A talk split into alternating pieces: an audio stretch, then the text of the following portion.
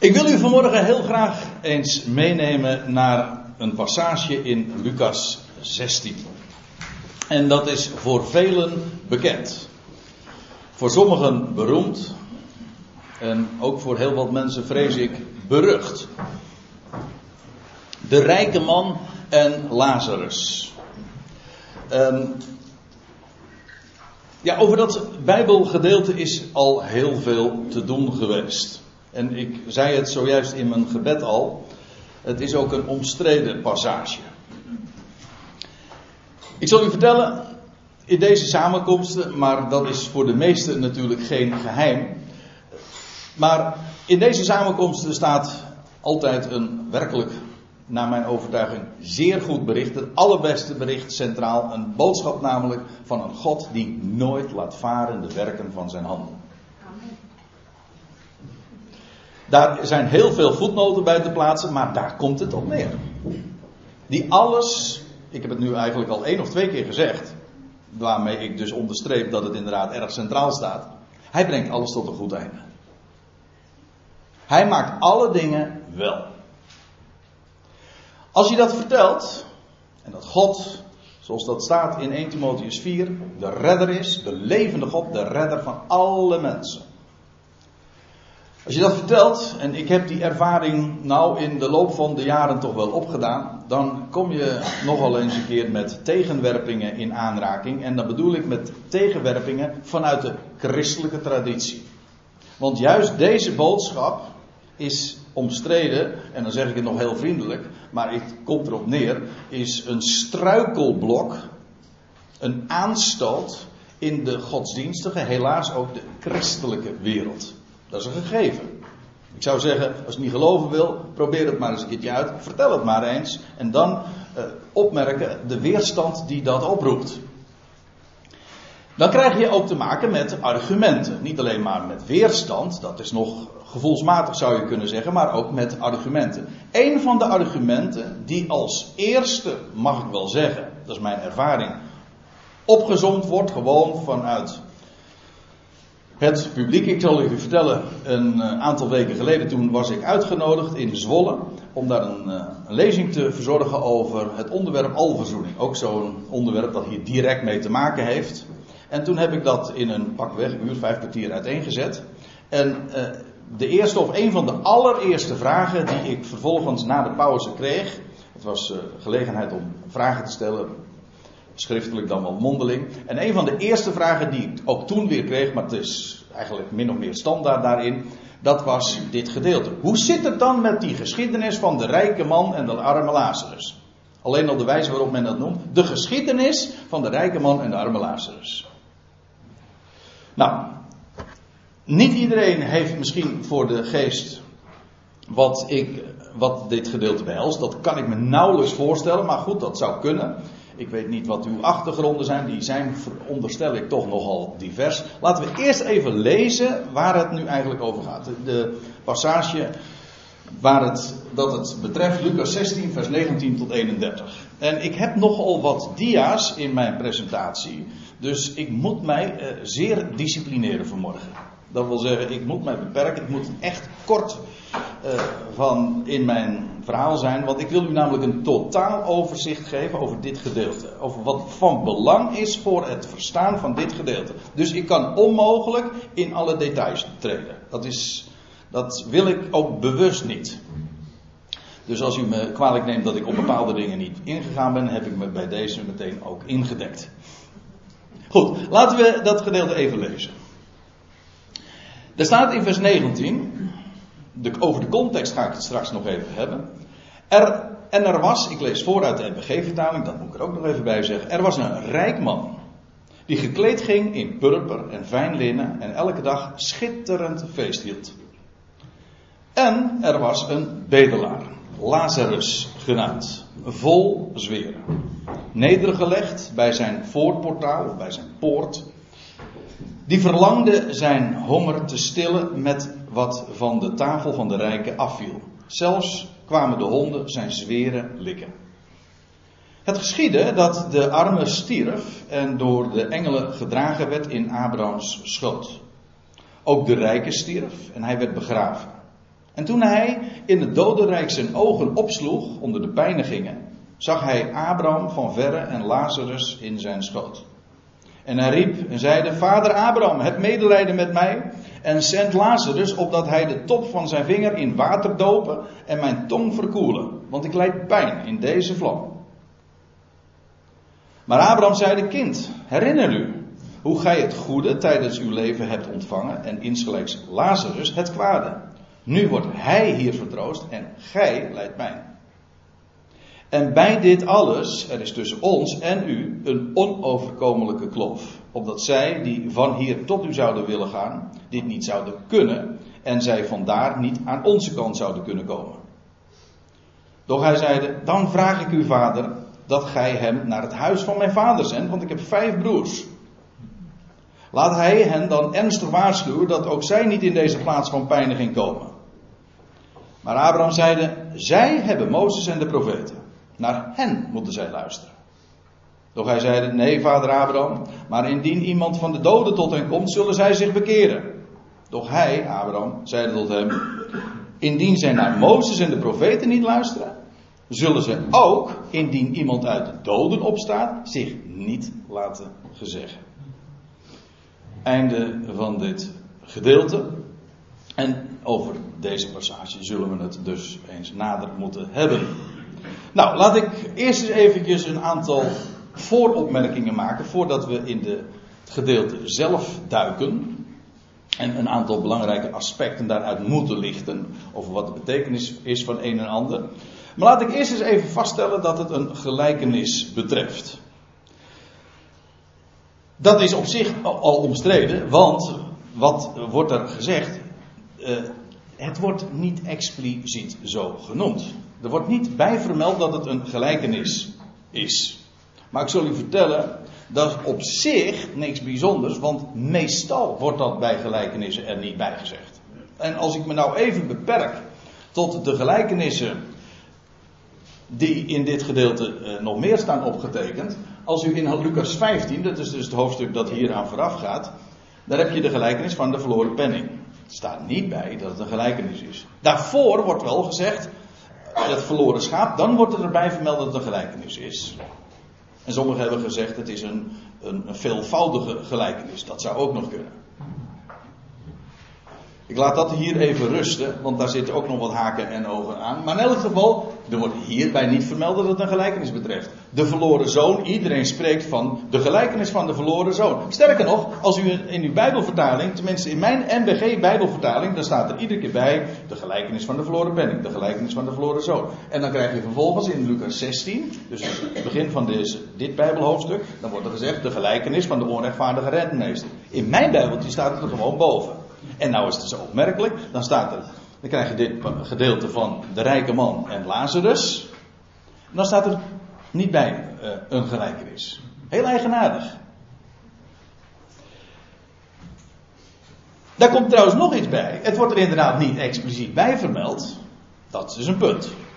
Maar nou ga ik u uh, er iets bij zeggen, namelijk dit: dat Jezus tot de schare standaard in gelijkenissen sprak.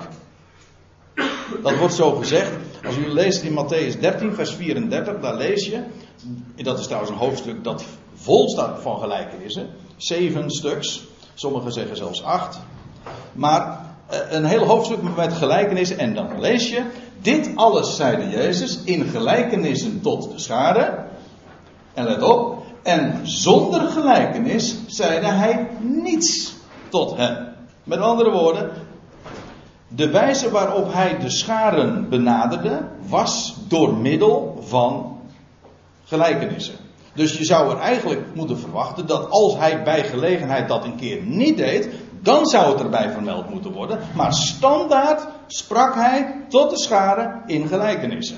Zodat het argument van ja, maar er staat niet bij dat het een gelijkenis is, op zich geen argument is. Omdat dat namelijk de regel is. Uitzonderingen moeten dan in dat, in dat geval vermeld worden, niet de, niet de regel. Bovendien, en dat is misschien nog wel het allerbelangrijkste argument. Het gaat niet in de eerste plaats om de vraag of het erbij vermeld wordt. de inhoud zelf blijkt dit zonneklaar. Er is sterker nog geen passage in de evangelie aan te treffen dat zo overduidelijk het karakter heeft van een gelijkenis. Namelijk dat het niet letterlijk zo waar kan zijn. Kijk, dat van allerlei gelijkenissen, ik noem maar wat, van dat van de verloren zoon, om even daarbij te blijven. Dat zou gewoon uh, echt gebeurd kunnen zijn. Dat is, daar zou uh, niks, uh, geen bezwaar tegen aan te brengen, aan te voeren zijn. Want het is een verhaal dat ontleent aan, aan een gewone menselijke situatie. Dit gedeelte daarentegen kan niet eens letterlijk waar zijn. Want laat ik u, laten we dan eens eventjes inzoomen erop. Als het letterlijk waar zou zijn, hebben mensen voor de opstanding dan al een lichaam. Kijk, wat men doorgaans dus zegt, is dit. Dit gedeelte gaat over, als je het zo leest, over de toestand na het sterven. Men spreekt dan over de toestand der doden. Vind ik altijd een mooie uitdrukking. De toestand der doden. Want dan denk je van, ik denk inderdaad zoals men zich dat voorstelt, vind ik altijd een hele toestand. Maar goed, eh, dat het de toestand der doden betreft na het sterven, maar voor de opstanding. Dat is in de christelijke traditie de, het idee. De, de mens sterft, vervolgens, hij heeft een onsterfelijke ziel, maar daar hadden we het twee weken geleden nog over. En wordt er dan gezegd, de Bijbel zegt dat niet, een onsterfelijke ziel. Nergens. En dan wacht je vervolgens op de opstanding dat je een lichaam krijgt. En tussen die tijd van sterven en opstanding zou de mens dan een ontzield, nee, een, een, een, als ziel voortbestaan, maar zonder lichaam. Nou, als dat zo zou zijn, ik zal u dit vertellen, dat zegt de schrift niet, maar daarover straks nog even meer. Dan moet je dan toch in elk geval concluderen dat dit gedeelte er niet over kan gaan. Want die mensen die hier beschreven worden, meer ter zake de rijke man, en Lazarus en Abraham. Die hebben kennelijk wel een lichaam, want er wordt gesproken over hij sloeg zijn ogen op in het dodenrijk. Er wordt vermeld, hij zegt van, hij spreekt over zijn tong en over de, eh, de vinger die gedoopt zou worden in water, zodat zijn tong verkoeld zou worden. Er wordt gesproken over dorst, er wordt gesproken over pijn in de vlammen, al die dingen. Kortom, dat zijn juist allemaal hele lichamelijke gewaarwordingen. Dit kan dus nooit gaan, letterlijk, over de situatie tussen sterven en opstanding. Want dat is, daarvan zegt men, men hè, daarvan zegt men, dan, is, dan leeft men voort als ziel, maar zonder lichaam. Nou, dit zijn allemaal pure lichamelijke sensaties, gewaarwordingen. Dat betekent dus dat als je dit zo leest, zegt dat kan niet. Dat kan nooit letterlijk waar zijn. En trouwens, dan heb ik er nog één. En die zal het ook wel menigeen aanspreken. Ik eh, kan me herinneren, ik ben zelf reformatorisch groot geworden en ook eh, opgevoed met de gedachte. En ja, zo werd het van de kansel ook altijd verteld. Van ja, dit eh, gaat er gebeuren als je sterft. En ik vond het vreselijk. Als dit het uitzicht is. Hè, er al van uitgaande dat je aan de goede kant van de kloof zit.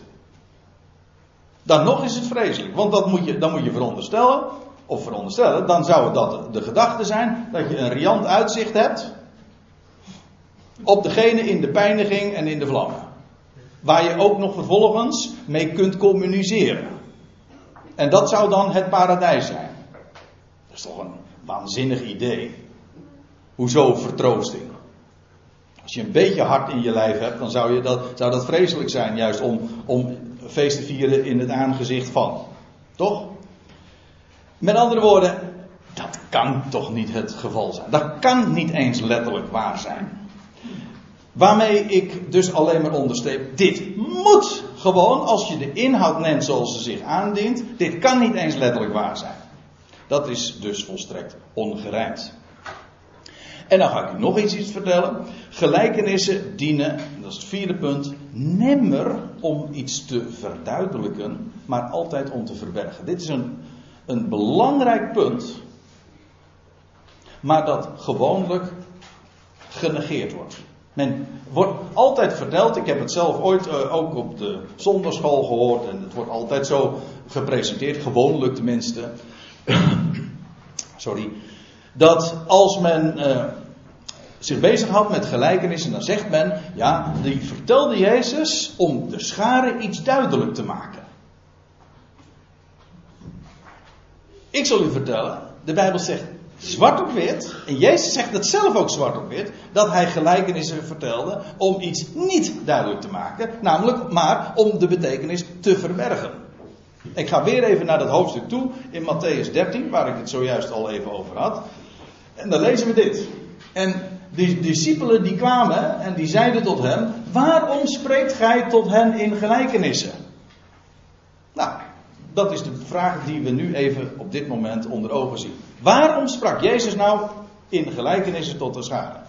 Nou, dat is heel, dat is heel duidelijk, uh, zegt Jezus dan. Dat zeg ik om ze iets te verklaren, om hen iets duidelijk te maken. Dat zou je verwachten. Zo wordt het altijd verteld. Maar let nou eens op wat Jezus zelf zegt. Hij zei, hij antwoordde hun en zeide, omdat het u gegeven is de geheimenissen, de verborgenheden van het koninkrijk der hemelen te kennen, maar hun is dat niet gegeven. Want wat lees je? Hij vertelt gelijkenissen en afzonderlijk aan zijn discipelen verklaarde hij het hen. Dus als je alleen maar een, een verhaal hoort, maar er wordt geen toelichting gegeven, dan weet je, ben nog niks wijzer geworden, want dan heb je alleen maar een verhaal gehoord. Terwijl er juist een clue in zit. Maar het moet toegelicht worden. En dan lees je er trouwens nog bij, Daarom spreek ik tot hen in gelijkenissen. Omdat zij ziende niet zien en horende niet horen of begrijpen.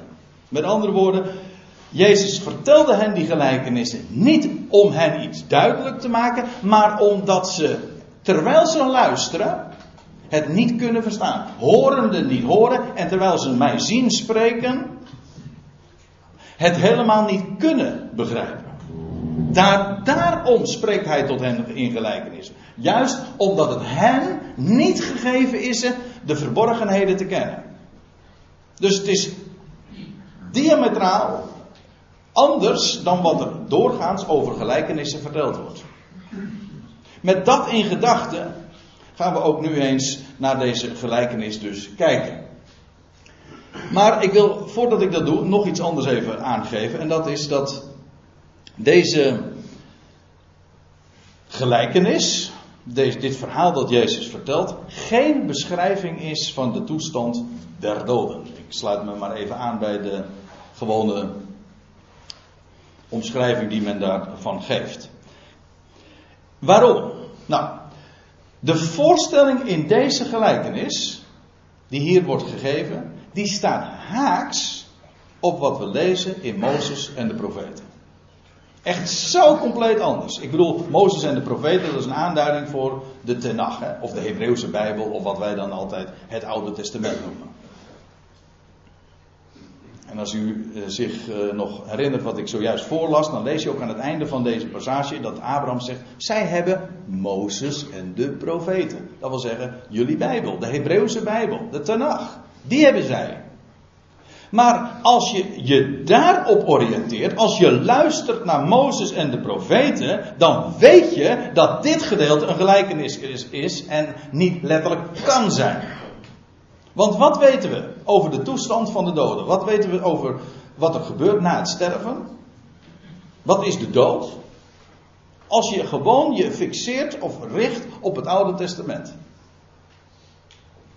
Het is heel opmerkelijk. Ik heb het boekje niet meegenomen, maar ik las een uh, christelijke commentator die zei van ja, in het Oude Testament uh, lag er nog een sluier van onkunde over de toestand van de dood. Geen enkele aanwijzing dat daar inderdaad een bewustzijn uh, is van het leven van de ziel.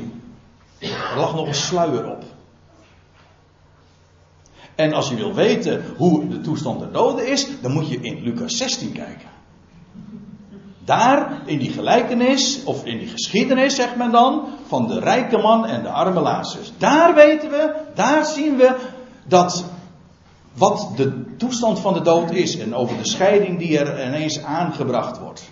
En de gewaarwordingen die men daar heeft. Het Oude Testament zegt daar nog niks over en pas er wordt een tipje van de sluier opgelicht in Lucas 16. En dat is zo tegen de waarheid in. De hele clue is van dit gedeelte dat Mozes en de profeten. Daar zou je naar luisteren. En als je daarnaar luistert, dan weet je hoe de toestand van die doden is. Weet je wat er staat? Er is nergens in de hele tenag een één aanwijzing van een bewustzijn in het dodenrijk. En ja, ik, ik, heb hier een aantal schriftplaatsen, maar ik zou de serie aanzienlijk langer kunnen maken. Waarin unaniem het getuigenis is dat het dodenrijk looft u niet. Meerdere malen wordt dat in de psalmen gezegd. Woorden of woorden van gelijke strekking. Of niet de doden zullen de Heeren loven. Of er staat, er is geen werk of overleg of kennis of wijsheid in het dodenrijk. Of de doden, prediker 9 vers 5 of 10, de doden weten niets. Vandaar ook dat de Bijbel altijd spreekt over de dood als slaap. Waarom slaap? Het is niet letterlijk slaap, nee, maar waarom wordt het aangeduid als een slaap? De mens is zich van niets bewust. Je, on, je ontslaapt. En je wordt vervolgens weer wakker bij de opstanding. En wat is in die tussentijd? Nou, dan ben je dus niet bewust. En bij de opstanding, dan word je gewekt, geroepen, sta je op. Nou, dat is wat de dood is. Daarom heet dat in het Oude Testament, in het Nieuwe Testament ook. Ik ga u nog eens wat vertellen in dit verband. Want we hebben namelijk een geschiedenis van een Lazarus.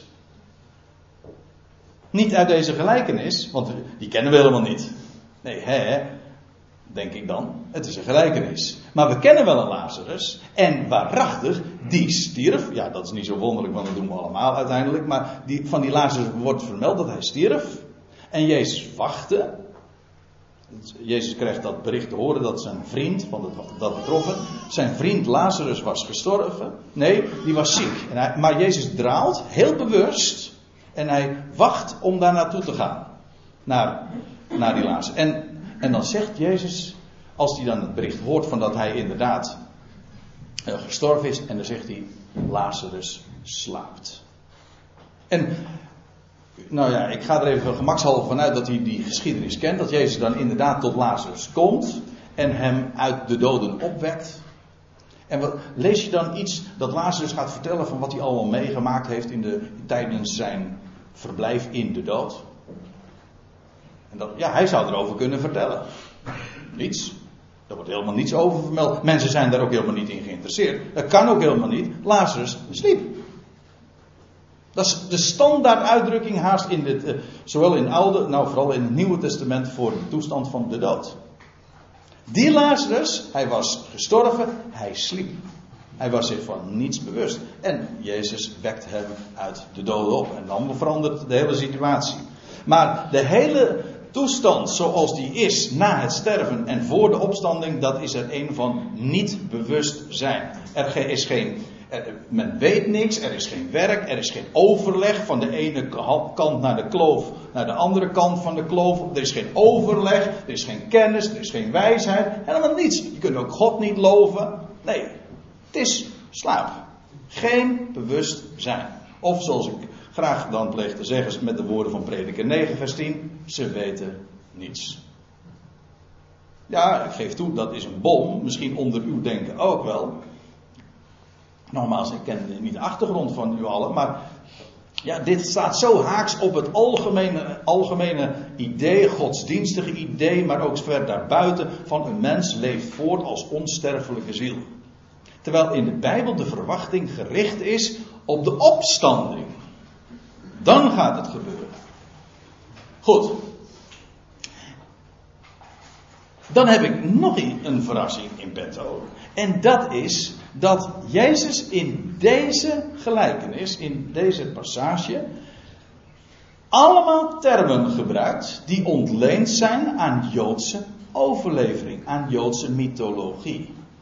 Dus wat ik nu zeg is onomstreden en u kunt het ook gewoon op, ja, als u het eh, eens uh, nagaat zoeken op internet of zo, dan zul je dat ook alom bevestigd vinden. Het is opvallend dat Jezus hier in deze gelijkenis allemaal termen gebruikt die onbekend zijn enerzijds in de Hebreeuwse Bijbel. Ik zou zeggen, kijk het maar na. Maar bovendien wel bekend zijn in de Joodse overlevering en in de Talmud. Of in de Joodse mythologie, of hoe je het ook maar noemen wil. Maar in elk geval in de Joodse overlevering. Ik, zal u een paar voorbeelden geven. Dat men bij het sterven door engelen gedragen wordt. Dat was een, een, een, een eh, Joodse overlevering. Termen, een term als deze, of een, paar, een frase als deze, komt men tegen in de Talmud. Of Abrahams schoot is een veel voorkomende uitdrukking in de Talmud, niet in de Hebreeuwse Bijbel. Of de grote kloof. Of het pijnlijden in de vlammen. Dat zijn termen die met name onder de Fariseïsche school in het Jodendom populair waren en veel gebezigd werden. En Jezus ontleent zijn parabel, zijn gelijkenis, aan die uh, termen. Oh, zeg ik het nu goed? Maar in ieder geval, hij, uh, zijn terminologie ontleent hij aan die bron.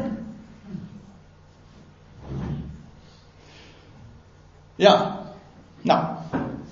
En dan, voordat we dan op de context, of voordat we die, wat in het schriftgedeelte zelf terechtkomen, wil ik u nog twee opmerkingen even maken over de context over de samenhang van dit gedeelte. Want dat is van belang. Kijk, zo'n gedeelte staat in Lucas 16. Hè, dat begint dan in vers 19, als ik me niet vergis. Maar waaraan eh, ontleent dit gedeelte haar betekenis? Of waarom wordt dat zo daar vermeld? Dat is niet zomaar, daar is iets dus aan vooraf gegaan. Met name dat is van, van belang. En dan moet je even goed weten, waarover gaat het in dit gedeelte? Dus voordat je het gedeelte zelf benadert, moet je weten wat er aan vooraf gegaan is. Wat is de aanleiding tot het vertellen van deze gelijkenis? Nou, dan vinden we, als we even verder teruggaan, in Lucas 15 dit vermeld. In vers 1. Dan lees je, en al de tollenaars nu, en de zondaars, plachten tot hem, Jezus, te komen, om naar hem te horen. Dus het volk dat nou niet bepaald een goede reputatie had. En de fariseeën en de schriftgeleerden die morden, die vonden dat maar helemaal niks. Onfatsoenlijke mensen die in minachting bij het volk waren. Juist uitgerekend, zij kwamen tot hen. Zij waren geïnteresseerd in wat Jezus te vertellen had. Maar de fariseeën en de schriftgeleerden morden en ze spraken, deze, met de grootste minachting, deze ontvangt zondaars en eet met hen. En dan staat er, en hij sprak deze gelijkenis tot hen. Dat wil zeggen, die schriftgeleerden en die fariseeën. En dan, de eerste gelijkenis is dan die van het verloren schaap. Vervolgens die van de verloren penning, dan van de verloren zoon. En trouwens, ik zeg u er even bij, de clue in Lucas 15 is, hou hem vast, al het verlorene wordt weer gevonden. Waarbij het idee ook nog is, en dat, ik kan het niet nalaten om dat toch even te onderstrepen.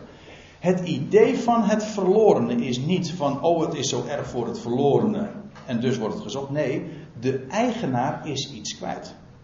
Die, die herder, die was een schaap kwijt. Het was zijn schaap. Het was zijn belang dus ook om dat schaap te zoeken. En hij zocht het net zo lang tot hij het gevonden had. Die vrouw, die vervolgens, die andere gelijkenis, of die, het andere aspect van de gelijkenis, net hoe ik zeggen wil. Die vrouw die die penning kwijt was, was dat zo, dat, dat die penning was verloren. Oh, wat erg voor die penning. Nee, natuurlijk, dat is het punt niet.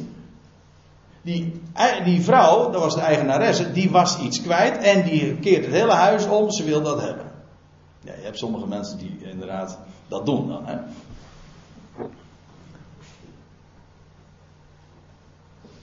En ze zocht het op en ze vond het ook weer. Het was haar belang om het te vinden. En dan krijg je die eh, verloren, de gelijkenis van de verloren zoon. Maar je zou ook kunnen zeggen de zoekende vader en de vindende vader. Het idee is telkens weer de eigenaar is iets kwijt, het is van hem en dus is het zijn belang om het verlorene te zoeken. In de Bijbel, en al vergeet u nou alles wat ik vertel vanmorgen, en u zegt ik vind het te moeilijk, onthoud dan even dit, oren gespitst. Al het verlorene in de Bijbel wordt weer gevonden. Waarom? Er is een God die een schepping heeft. Het is werk van zijn handen. En als hij het kwijt is, als het verloren is, dan is dat zijn verlies. En wat doet hij? Wel, het is werk van zijn handen. Hij houdt, hij houdt ervan. En dus zoekt hij het op. Hoe lang zoekt hij? Net zolang tot hij het gevonden heeft. Lucas 15, vers 4. Het, dat zegt iets van de liefde en van de houding van de eigenaar met allemaal hoofdletters. Dat is de God die inderdaad zoekt, net zolang tot hij het allemaal gevonden heeft. In die waarheid is in wezen de eindbestemming van deze hele schepping van elke creatuur besloten. Maar goed, dit is alweer een zijstapje, dat mocht ik me niet te veel veroorloven. Maar bij deze wilde ik toch dit even gezegd hebben. Dit was dus de aanleiding. Hij ontving zondaren en, en tollenaren, nou ja, mensen met een slechte reputatie en de fariseeën en de schriftgeleerden die morden. En hij spreekt dan deze gelijkenis. Jullie zijn dan misschien wel die oudste zoon, hè, die keurig en netjes leven. Jawel. Maar het gaat om die verloren zoon. En dan, als ik me nog wat meer als ik wat meer inzoom, namelijk naar Lucas 16. Dit was Lucas 15. Daar beginnen de gelijkenissen achter elkaar. En dan eh, krijg je trouwens in Lucas 16 ook nog de gelijkenis van die onrechtvaardige rentmeester. Daar moeten we het ook ooit nog eens een keertje over hebben, graag. Want die roept ook nogal wat uh, vragen op. Maar direct voorafgaand hier in Lucas 16, daar lees je deze woorden. In vers 14. Dit alles, let op, we, de gelijkenis van de rijke man en de arme Lazarus, die begint in vers 19. Maar in vers 14, dus een paar versen hier aan voorafgaand, lees je. Dit alles hoorden de fariseeën, die geldzuchtig, letterlijk staat er geldminnend waren. Ze waren liefhebbers van geld. Waren godsdienstige leiders, maar ze hielden erg van dit de fariseeën die geldzuchtig waren en zij hoonden hem. Die zondaren en tollenaren ontving. Die twee.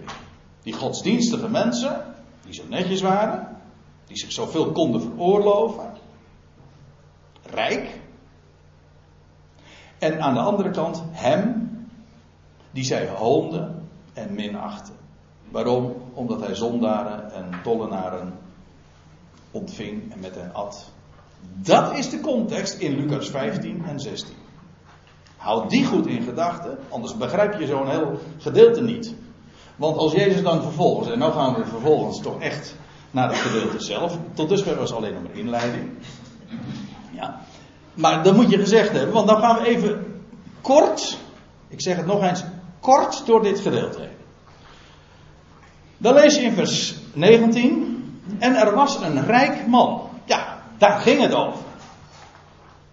Er was, hè, zo, zo, beginnen gelijkenissen doorgaans ook met die woorden. Ja, ik zou haast de parallel maken met wat wij dan met sprookjes doen. En er was eens, maar in ieder geval, het gaat om een fictief verhaal. De personages worden ook helemaal verder niet geïntroduceerd, wie dat waren, et cetera. En als er al een naam vermeld wordt, waarover straks meer, dan is dat alleen maar om de betekenis van die bewuste naam. Zonder dat de figuur gekend wordt, dat doet ook helemaal niet ter zake. En er was een rijk man die gekleed ging in purper en fijn linnen en elke dag schitterend feest hield. Dat kon hij zich weelderig staan. Een schitterend feest hield, maar hij was gekleed in purper en fijn linnen. Steek die in je zak, fariseeën en schriftgeleerden. Want zowel de ene als de andere stof is heel veelzeggend als je de Mozes en de profeten kent. Want het ene purper, dat is een, de kleur van de koning. Het is een koninklijk gewaad. Ik heb één tekst erbij vermeld. Gewoon voor degene die dat nog eens na willen zoeken. En ik hoop dat u dat ook doet. Ik bedoel, ik vertel hier uh, geen, uh, geen dogma's ik deel hier gewoon de inzichten die ik heb, dat wat ik gevonden heb in de schrift. En het is aan u om dit te checken. Ik zeg, kijk naar Mozes en de profeet, kijk gewoon in de schriften na of het inderdaad zo is wat ik zeg. En dan is het aan u om te beoordelen of het waar is of niet. Het is geen dogma, geen dogmatiek. Daar word je ziek van, hè? krijg je dogmalaria van.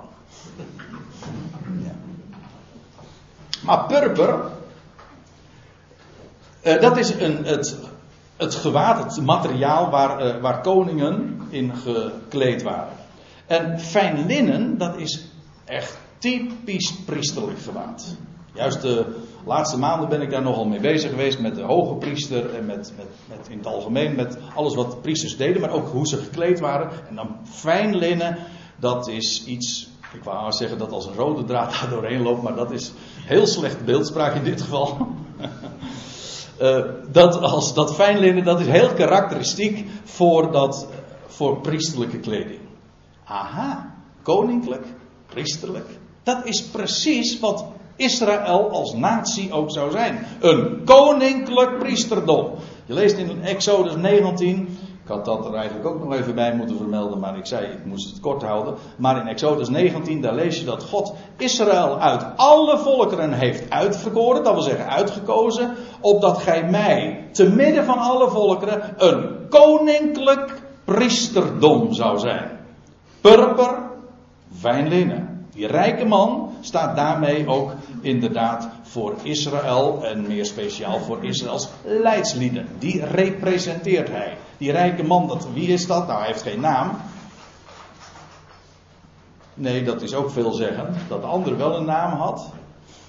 Maar die rijke man niet. Maar hij representeert in de hele context en in de wijze waarop hij beschreven en neergezet wordt in een verhaal dat niet letterlijk kan zijn. Hij representeert Israël als natie, of meer speciaal de leidslieden van Israël. En, en ook wordt het contrast getekend, er was een bedelaar. Nou, dat is inderdaad een heel duidelijk contrast. Een rijk man enerzijds en, en een bedelaar anderzijds. Hij heeft wel een naam, Lazarus. Nou, we weten allemaal wie en wat Lazarus is.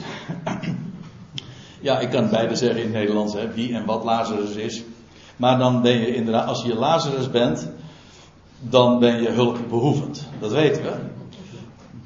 En, maar dat is ook precies wat de naam betekent. Want zo armentierig en zo zielig als de naam in het Nederlands overkomt, als je zegt uh, Lazarus te zijn, dan zo hoopvol is juist de naam uh, wanneer je de betekenis ervan bij, uh, erbij betrekt. Nou, het betekent namelijk, God is mijn helper. Het komt van Eleazar.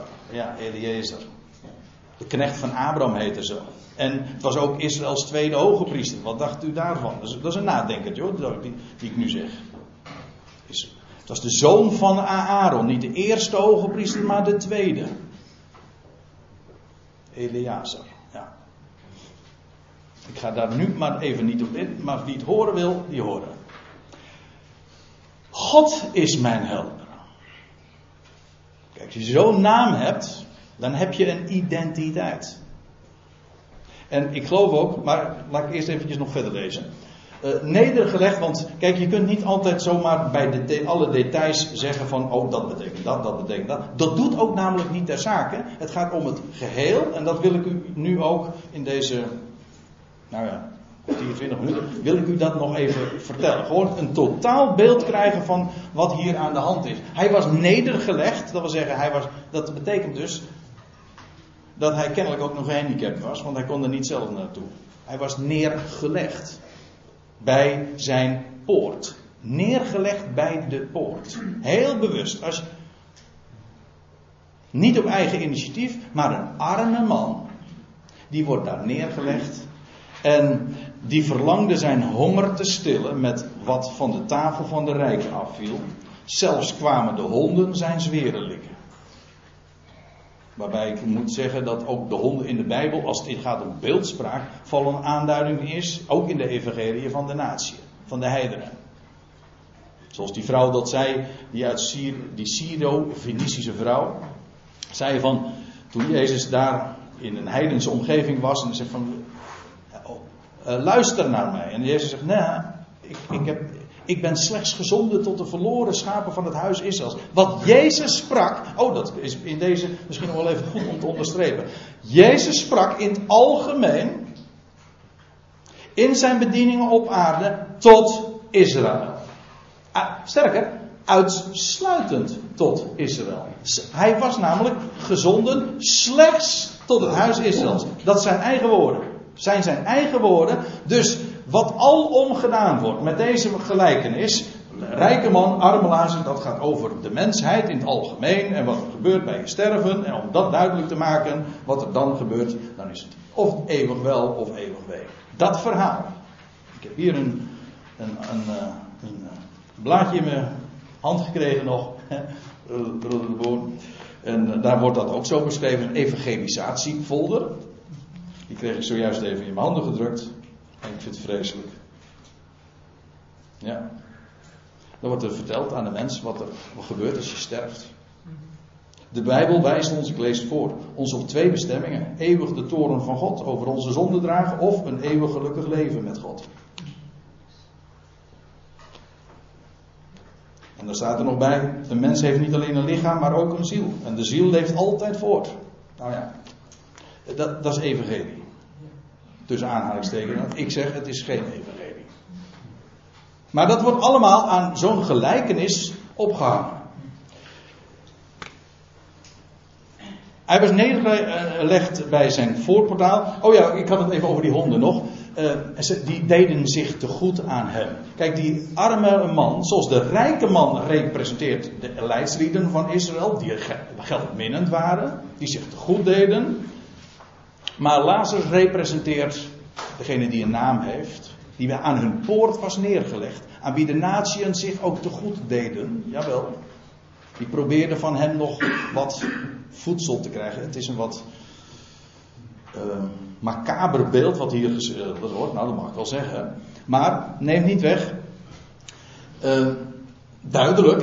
Maar ook, hij representeert Jezus en allen met wie hij zich identificeert. Of zo u wilt, allen die zich met hem identificeren. Namelijk die tollenaren en die zondaren. Dat, zo, daarmee heb je het contrast geschilderd. De rijke man, Israëls leidslieden. De Lazarus, dat is Jezus zelf. En degenen die bij hem behoorden. Jezus en consorten, zeg maar. Ja. Het contrast is duidelijk. Zoals dat contrast al geschilderd was in Lucas 15 en 16. Daarover, die tegenstelling, ging het. Ze werden, zij, de Lazarus-klasse om zo te zeggen, die werd gehoond en veracht. En zij gingen letterlijk aan, hem, aan hen voorbij. Zoals Lazarus was neergelegd aan zijn poort en hij ging letterlijk en figuurlijk aan die Lazarus voorbij.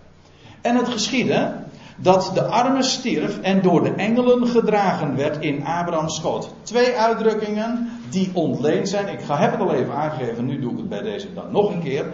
Uit Joodse overlevering. Niet aan de Bijbel, want als een mens sterft, dan wordt hij, zoals dat dan genoemd wordt, vergaderd tot zijn voorgeslacht. Dan kom je in het graf.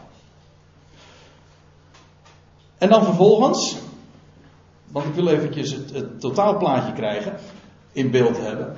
Ook de rijke stierf en hij werd begraven. En toen hij in het dodenrijk zijn ogen opsloeg onder de pijnigingen, wat een contradictio in terminis is, ja, nou heb ik ook eens een mooie term gebruikt. Hè? Dat betekent een innerlijke tegenstrijdigheid. Dat kan niet, want als je dood bent, heb je geen ogen, dan heb je geen lichaam meer, toch? Zelfs in het idee van de onsterfelijke ziel heb je dan geen lichaam meer. Dus kun je ook niet je ogen opslaan en kun je dus ook geen pijnigingen ondergaan. Dit kan dus niet eens letterlijk zijn, maar bovendien, wat is namelijk het verhaal? Die rijken, die rijken die vertegenwoordigt Israël. En wat is er met Israël gebeurd? Israël is als natie gestorven.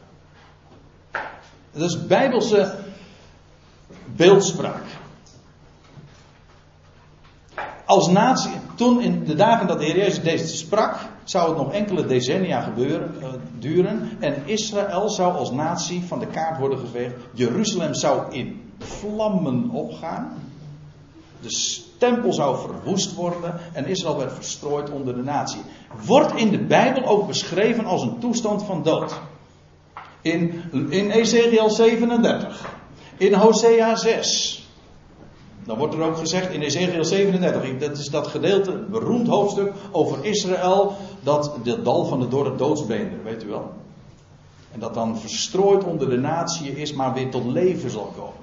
Wat zal hun aanneming anders wezen, zegt Paulus in Romeinen 11. Wat zal hun aanneming anders wezen dan leven uit de doden? Dat wil zeggen, tot die tijd is Israël dood als natie. En dan zullen ze opstaan. Wordt trouwens ook gezegd wanneer ze zullen opstaan. Na twee dagen. Dat is ook cryptisch, dat weet ik. Dat is hier in Lucas 16 niet het onderwerp.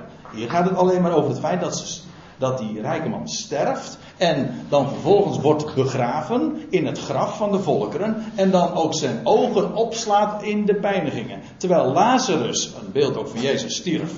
Kwam in de heerlijkheid terecht. Ik kom daar straks nog even op terug. Is een, dat is de ene kant. En de andere kant is de rijke man als uitbeelding van Israël, of meer speciaal de, leid, de leidslieden van Israël. De, wat is er gebeurd? Dus dit is trouwens geschiedenis, het is bekend. Wat er gebeurd is met de Joodse natie, die inderdaad stierf, ten einde kwam, begraven werd onder de volkeren, en in de pijnigingen. De vlammen ja, nou ja, dat kun je zowel letterlijk opvatten als ook figuurlijk als de vlammen van het de antisemitisme, waar ze gedurende twintig eeuwen altijd mee geconfronteerd zijn. Met als dieptepunt de 20e eeuw.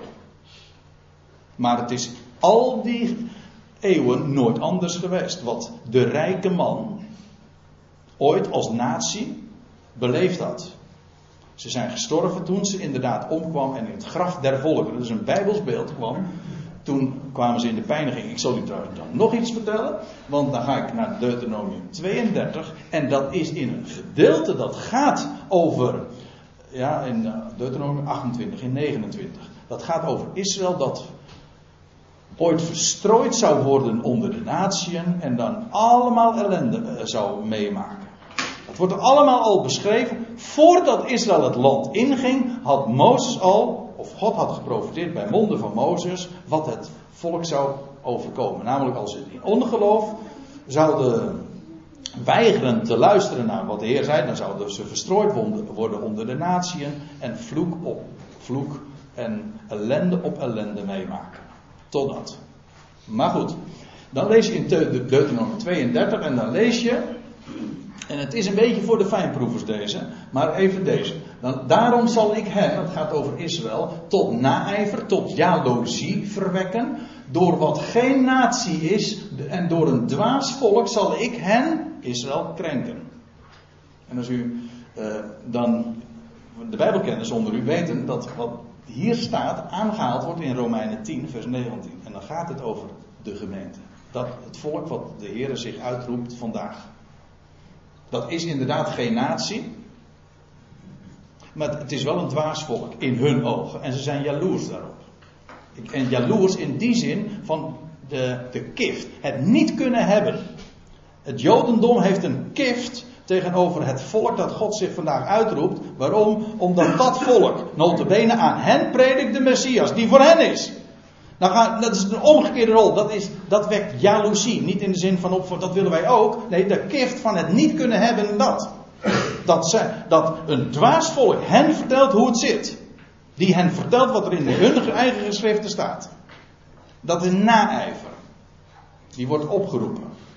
Nou, en in dat verband, u zegt wat heeft dat hiermee te maken? Ja, nou dat zeg ik omdat het gaat dus over deze tijd. En dan staat er vervolgens, is profetie. Want een vuur is in mijn toorn ontstoken vanwege hun ongeloof. Ze willen niet luisteren naar. En het brandt tot in de diepten van het dodenrijk waarin zij terechtgekomen waren. Namelijk in het graf van de volkeren. Hier, vuur, het dodenrijk.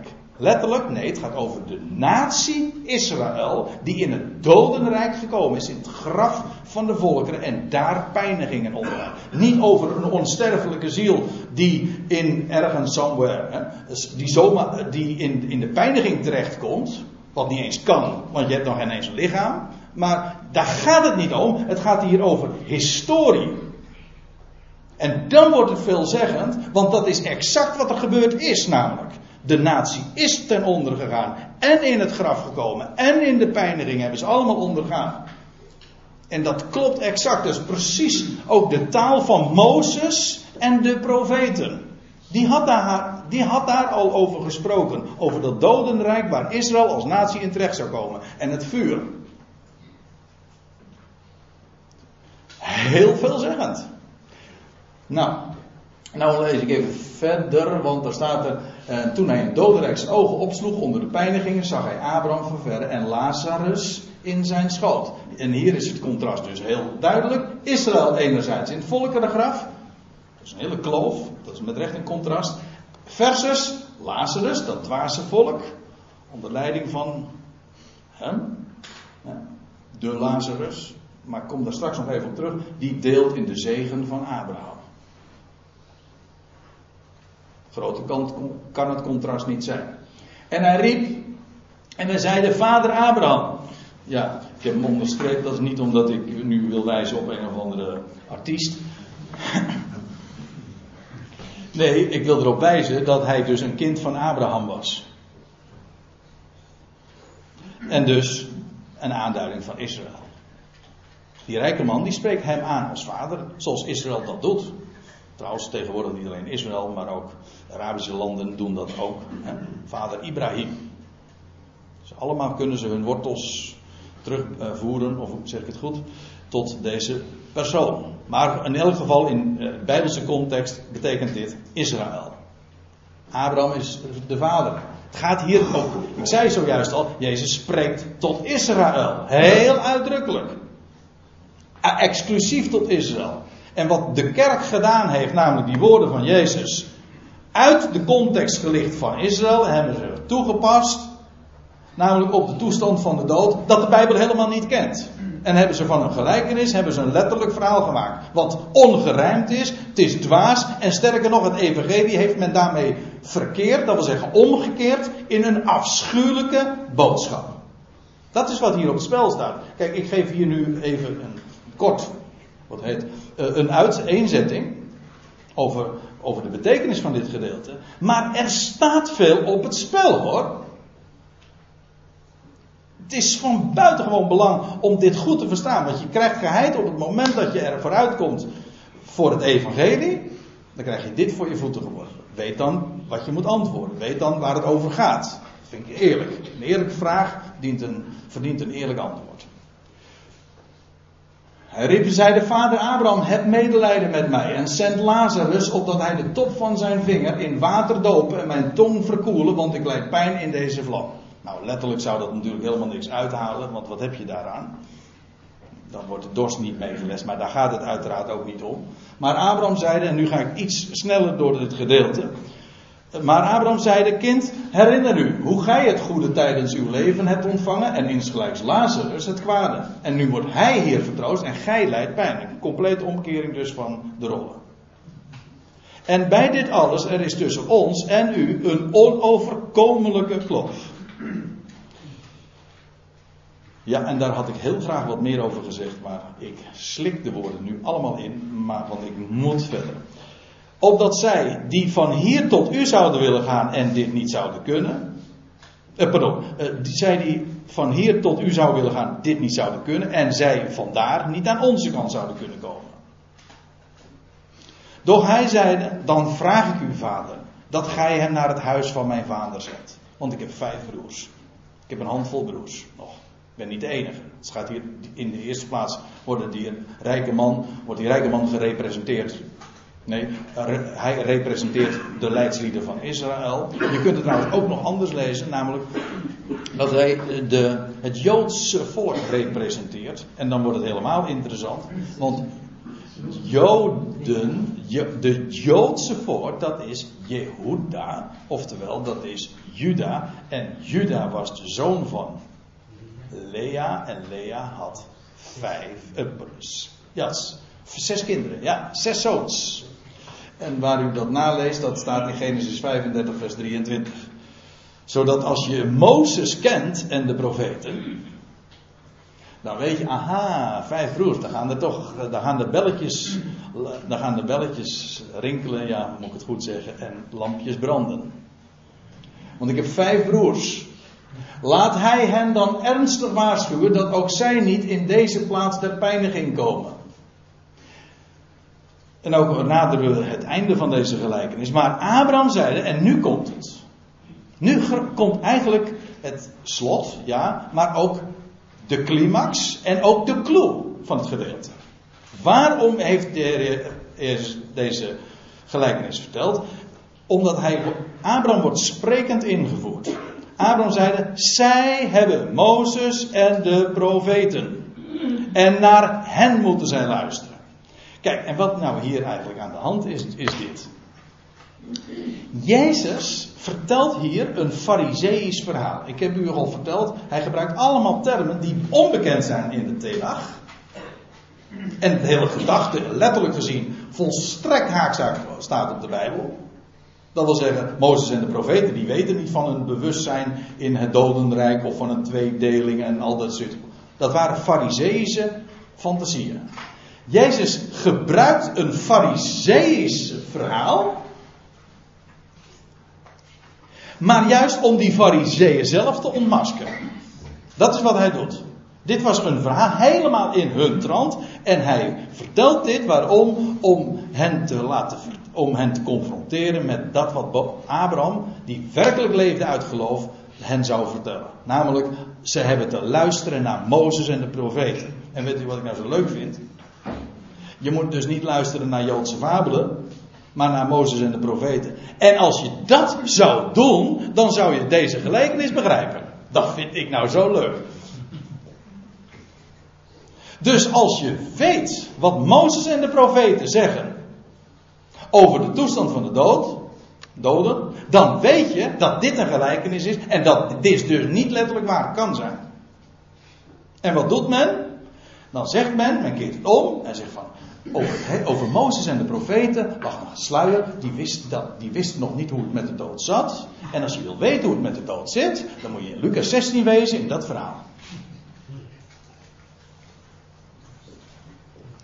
Puur de, het hele verhaal daarmee omgedraaid. Hier zou je naar luisteren. Mozes en de profeten, die kennen die, dit soort fabelen.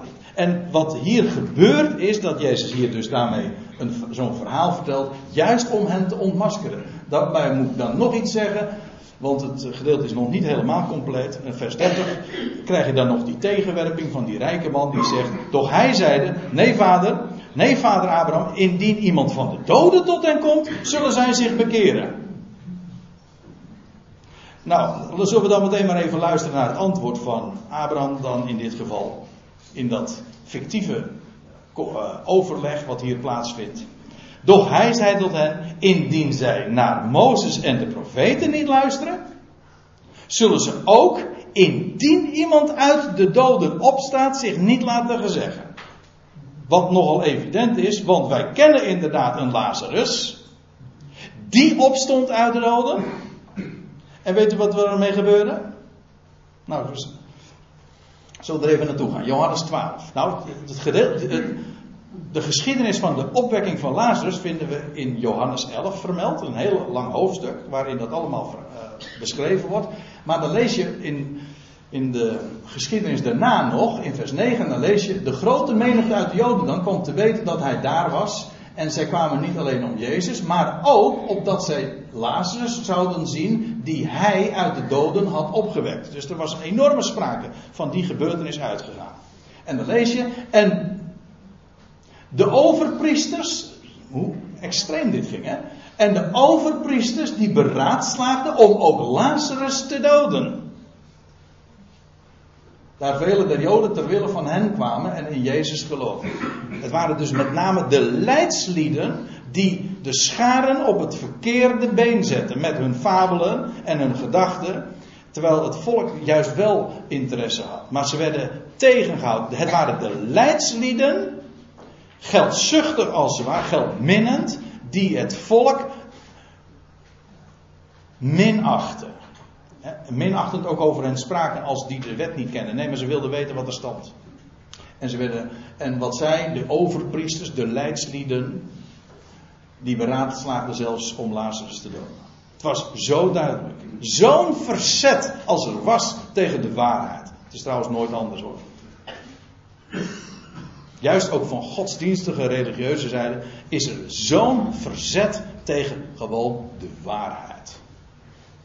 En van Jezus lezen we trouwens dat hij, uh, staat in Handelingen 10, ik heb het citaat niet meer uh, gegeven, maar in vers 40 en 41, als ik me niet vergis, dan lees je dat Jezus toen hij opstond uit de doden, hij is niet gezonden tot het huis van Israël. Hij is niet aan hen verschenen als de opgestane. Nee, hij is verschenen aan getuigen. Niet aan het volk staat er nog bij. Waarom niet? Nou, dat wordt in vers 31 verteld. Dat Abraham zei, hij, Abraham zei tot hen, zij Mozes en de profeten. Daar moet je beginnen. Als je niet luistert naar de schrift, dan zul je je ook niet laten zeggen door iemand die uit de doden opstaat. En de echte Lazarus, ik bedoel degene die werkelijk de tweede hogepriester zal ik maar zeggen. De Eliezer, God is mijn hulp. Die is opgestaan uit de doden en hij is niet tot het huis van Israël gezonden. Dat klopt. Dat zou hen ook niet overtuigen. Er komt een dag, dat is hier niet het onderwerp in Lucas 16. Maar er komt een dag dat de natie uit de, de doden wordt opgewekt. En dan komt het, de natie alsnog daar waar het zijn moet. Maar de climax en de clue van deze hele geschiedenis, van dit verhaal dat Jezus vertelt, de gelijkenis die hij spreekt, zien we in de woorden waar Abraham uiteindelijk mee komt. Daar gaat het om. Dat is niet alleen maar het eind, maar het is ook waar het allemaal is, uh, om is begonnen. En dan ook dat deze geschiedenis, ik hoop dat ik daarmee dat wel duidelijk heb gemaakt. Het gaat hier niet over een onsterfelijke ziel die in het dodenrijk letterlijk zijn ogen opslaat. Maar het gaat hier over de lotgevallen van de Joodse natie. In de diaspora. In het graf der volkeren. Waar dit werkelijk is gebeurd. En daarmee dus werkelijk gericht is aan dit volk. En niet het evangelie dat vandaag voor de natieën is en dat vandaag verteld Dit heeft een hele specifieke context voor dat volk en hun lotgevallen. En op het moment dat je het daaruit ligt en gaat transporteren en, en gaat toepassen op ons, dan heb je het gedeelte misplaatst, ook verdraaid en is het evangelie omgedraaid in een afschuwelijke boodschap. Ik hoop dat ik dat hiermee ook duidelijk heb gemaakt.